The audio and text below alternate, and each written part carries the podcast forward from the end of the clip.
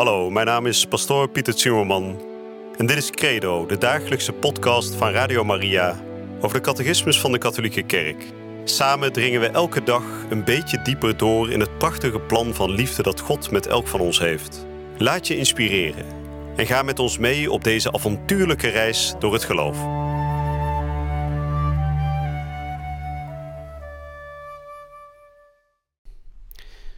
Vrienden, van harte welkom terug bij Credo, de podcast waarbij we elke dag dieper doordringen in die prachtige leer van onze kerk.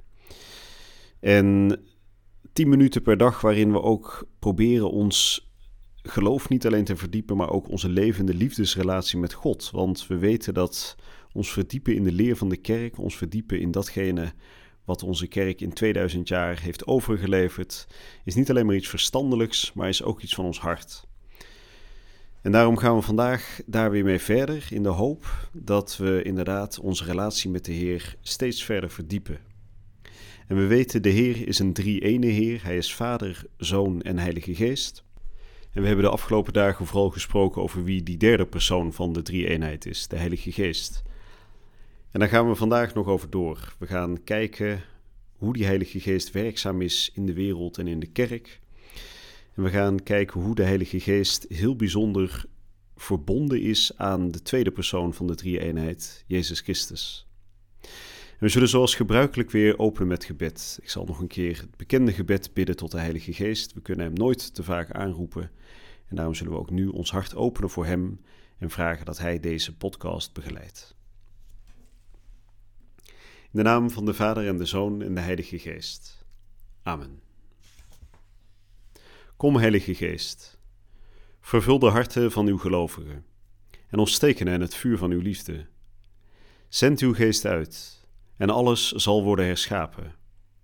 En gij zult het aanschijn van de aarde vernieuwen. God, gij hebt de harten van de gelovigen door de verlichting van de Heilige Geest onderwezen. Geef dat wij door diezelfde Heilige Geest de ware wijsheid mogen bezitten en ons altijd over zijn vertroosting mogen verblijden door Christus onze Heer. Amen. Beste luisteraars, we gaan de volgende nummers behandelen, nummer 727 tot en met 732. En we zullen na het voorlezen van de nummers ze kort nog even samen bespreken. En ik lees voor. Christus Jezus de zending van de Zoon en de Heilige Geest, in de volheid van de tijd, ligt volledig vervat in het feit dat de Zoon vanaf zijn menswording de door de Geest van de Vader gezalfde is. Jezus is de Christus, de Messias. Hier het tweede hoofdstuk van de geloofsbeleidenis dient in dit licht gelezen te worden. Heel het werk van Christus is een gezamenlijke zending van de Zoon en de Heilige Geest. Hier zij alleen vermeld wat betrekking heeft op de belofte van Jezus, de Heilige Geest te zenden, en op de gave van diezelfde Heilige Geest door de verheerlijkte Heer. Jezus openbaart de Heilige Geest niet ten volle, zolang Hij zelf niet verheerlijkt is door zijn dood en verrijzenis. Hij laat geleidelijk aan een glimp van Hem zien zelfs in zijn onderricht aan de menigte, wanneer hij openbaart dat zijn vlees voedsel voor het leven van de wereld zal zijn. Hij laat ook een glimp van hem zien aan Nicodemus, aan de Samaritaanse en aan hen die deelnemen aan het loofhuttenfeest.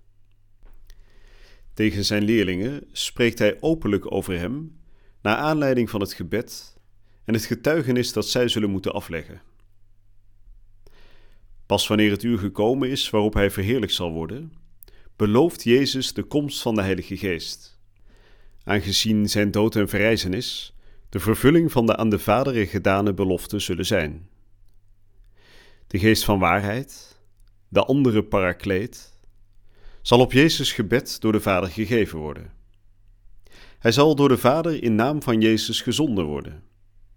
Jezus zal hem zenden, wanneer hij bij de Vader is want hij is voortgekomen uit de Vader. De Heilige Geest zal komen, we zullen hem kennen en hij zal voor altijd bij ons zijn. Hij zal bij ons verblijven. Hij zal ons alles onderrichten en zal ons in herinnering brengen alles wat Christus gezegd heeft. En hij zal getuigenis van hem afleggen. Hij zal ons leiden naar de gehele waarheid en zal Christus verheerlijken. Hij zal de wereld het overtuigende bewijs leveren van wat zonde, gerechtigheid en oordeel is. Ten slotte komt Jezus uur. Jezus beveelt zijn geest in de handen van de Vader, op het ogenblik dat hij door zijn dood de overwinnaar van de dood is, zodat hij, door de macht van de Vader uit de doden opgewekt, onmiddellijk de Heilige Geest schenkt door over zijn leerlingen te blazen. Vanaf dit uur wordt de zending van Christus en de Geest de zending van de kerk. Zoals de Vader mij gezonden heeft, zo zend ik u. De Geest en de kerk in de eindtijd. Pinksteren. Op de dag van Pinksteren, aan het einde van de zeven weken van de paastijd, wordt het Pasen van Christus vervuld in de uitstorting van de Heilige Geest, die getoond, gegeven en meegedeeld wordt als goddelijke persoon. Vanuit zijn volheid verspreidt Christus, de Heer, de Geest in overvloed. Op deze dag wordt de heilige drie-eenheid ten volle geopenbaard. Sinds deze dag worden door Christus aangekondigde koninkrijk opengesteld voor hen die in Hem geloven. Als mensen van vlees en bloed hebben zij in het geloof reeds deel aan de gemeenschap van de heilige drie-eenheid. Door zijn komst, en deze blijft voortduren, doet de Heilige Geest de wereld binnengaan in de eindtijd, de tijd van de kerk, het reeds geërfde, maar nog niet voltooide koninkrijk. Wij hebben het ware licht gezien, we hebben de hemelse geest ontvangen, we hebben het ware geloof gevonden. Wij aanbidden de ondeelbare drie-eenheid, want zij is het die ons gered heeft. Nou, dat waren de nummers 727 tot en met 732. We hebben nog wat meer gehoord over de zending van de Zoon en de Heilige Geest. Een zending die innerlijk nauw verbonden is. Hè? Dus de zending van de Zoon en van de Heilige Geest, hè? die natuurlijk wel in zekere zin onderscheiden is. Want elk van de drie personen heeft zijn eigen karakter. Maar toch zijn die zendingen nauw verbonden. Uiteindelijk zijn ze er natuurlijk allebei op gericht om de wereld binnen te leiden in het koninkrijk van God. En we hebben gehoord dat die zending van de Heilige Geest tijdens het leven van Jezus op aarde steeds meer zichtbaar wordt. eerst nog een beetje op een verscholen manier, maar gaandeweg wordt die geest steeds openlijker getoond aan de kerk en aan de wereld. En we horen dat dat met name gebeurt op het moment dat Jezus sterft aan het kruis. En dat hij na zijn kruisdood en na zijn verrijzenis uiteindelijk over zijn leerlingen blaast om ze de zending van de kerk toe te vertrouwen. En dan zegt Jezus die belangrijke woorden die nog steeds door-echoen in onze kerk. Zoals de Vader mij gezonden heeft, zo zend ik u. En dan blaast hij over zijn leerlingen. En we hebben al eerder gehoord dat het woord in het Hebreeuws, dat in het Oude Testament vaak wordt gebruikt voor de Heilige Geest van God, ruach is. En ruach betekende letterlijk adem. dus op het moment dat Jezus blaast over zijn leerlingen, dan is dat natuurlijk de adem van God. Jezus als zoon van God, die de adem van God over zijn leerlingen blaast. Dus die adem, dat is de Heilige Geest. Dan is die al meer zichtbaar, al meer uh, openlijk, expliciet aanwezig. En dat zal natuurlijk ja, de climax vinden op het feest van Pinksteren. U weet, 50 dagen na de verrijzenis vieren we als kerk het feest van Pinksteren. En dat betekent dat Jezus inmiddels is opgestegen naar zijn Vader in de hemel. Dat vieren we 40 dagen na Pasen. Jezus gaat terug naar zijn Vader en hij doet dan zijn belofte gestand. Hij, hij verblijft bij zijn Vader aan zijn rechterhand. En vanaf die troon van zijn Vader zenden dan de Vader en de Zoon die Heilige Geest vanuit de hemel. En daarmee wordt, zoals we straks nog meer zullen zien, de kerk geboren. De kerk, wat is de kerk? De kerk is natuurlijk de verzamelde gemeenschap van gelovigen. Die eerste twaalf apostelen die Ehm, wat wij nu uh, de bisschoppen noemen, dus de, de, eerste twaalf apostelen met Petrus aan het hoofd, die ontvangen die Heilige Geest met Maria in het hart van die gemeenschap. En geïnspireerd door die Heilige Geest die de Vader en de Zoon zenden, gaat de kerk haar missie beginnen. Een prachtig beeld natuurlijk. Hè?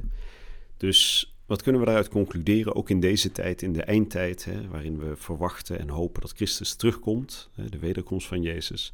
Ook in deze eindtijd laat God ons niet alleen. Hè. Jezus is weliswaar weer uh, met ziel en lichaam bij zijn Vader in de hemel. Hè, met zijn verheerlijkte lichaam, zijn verrezen lichaam, is hij bij zijn, met zijn Vader in de hemel. Maar dat betekent niet dat hij ons alleen laat. Hè. Door de Heilige Geest te zenden, is de Heer nog steeds onder ons aanwezig. En daarom hoorden we net in de catechismus dat die zending van de Heilige Geest doorgaat. Dat is niet een eenmalige zending met Pinksteren toen, aan het begin van de kerk. Nee, nog steeds blijft God die Heilige Geest zenden als inspiratiebron voor de kerk, om de kerk steeds weer te vernieuwen en om ook de sacramenten tot leven te brengen. De sacramenten van onze kerk, we zullen daar nog volop over gaan spreken. Dat zouden natuurlijk niet veel meer zijn dan dode rituelen, als de Heilige Geest die sacramenten niet bezielt met de adem van God. Nou, we zullen het daar voor nu weer bij laten. En ik hoop dat u een hele goede en ja, door de Heer gezegende dag mag hebben. Dat de Heilige Geest volop in u werkzaam mag zijn. En ik hoop u hier weer te ontmoeten bij de volgende uitzending van Credo. Je luisterde naar Credo, de dagelijkse podcast van Radio Maria over de catechismus van de Katholieke Kerk. Credo is iedere werkdag te beluisteren op Radio Maria. Maar je kunt de afleveringen ook in je eigen tempo terugluisteren op onze website, in de app of op Spotify en de andere platforms. Via de website radiomaria.nl vind je dagelijks de link om de bijbehorende teksten uit de catechismus mee of terug te lezen. We zijn erg dankbaar voor alle giften die wij mogen ontvangen. Daardoor kunnen we ons goede werk blijven doen. Draag je ook bij aan deze missie?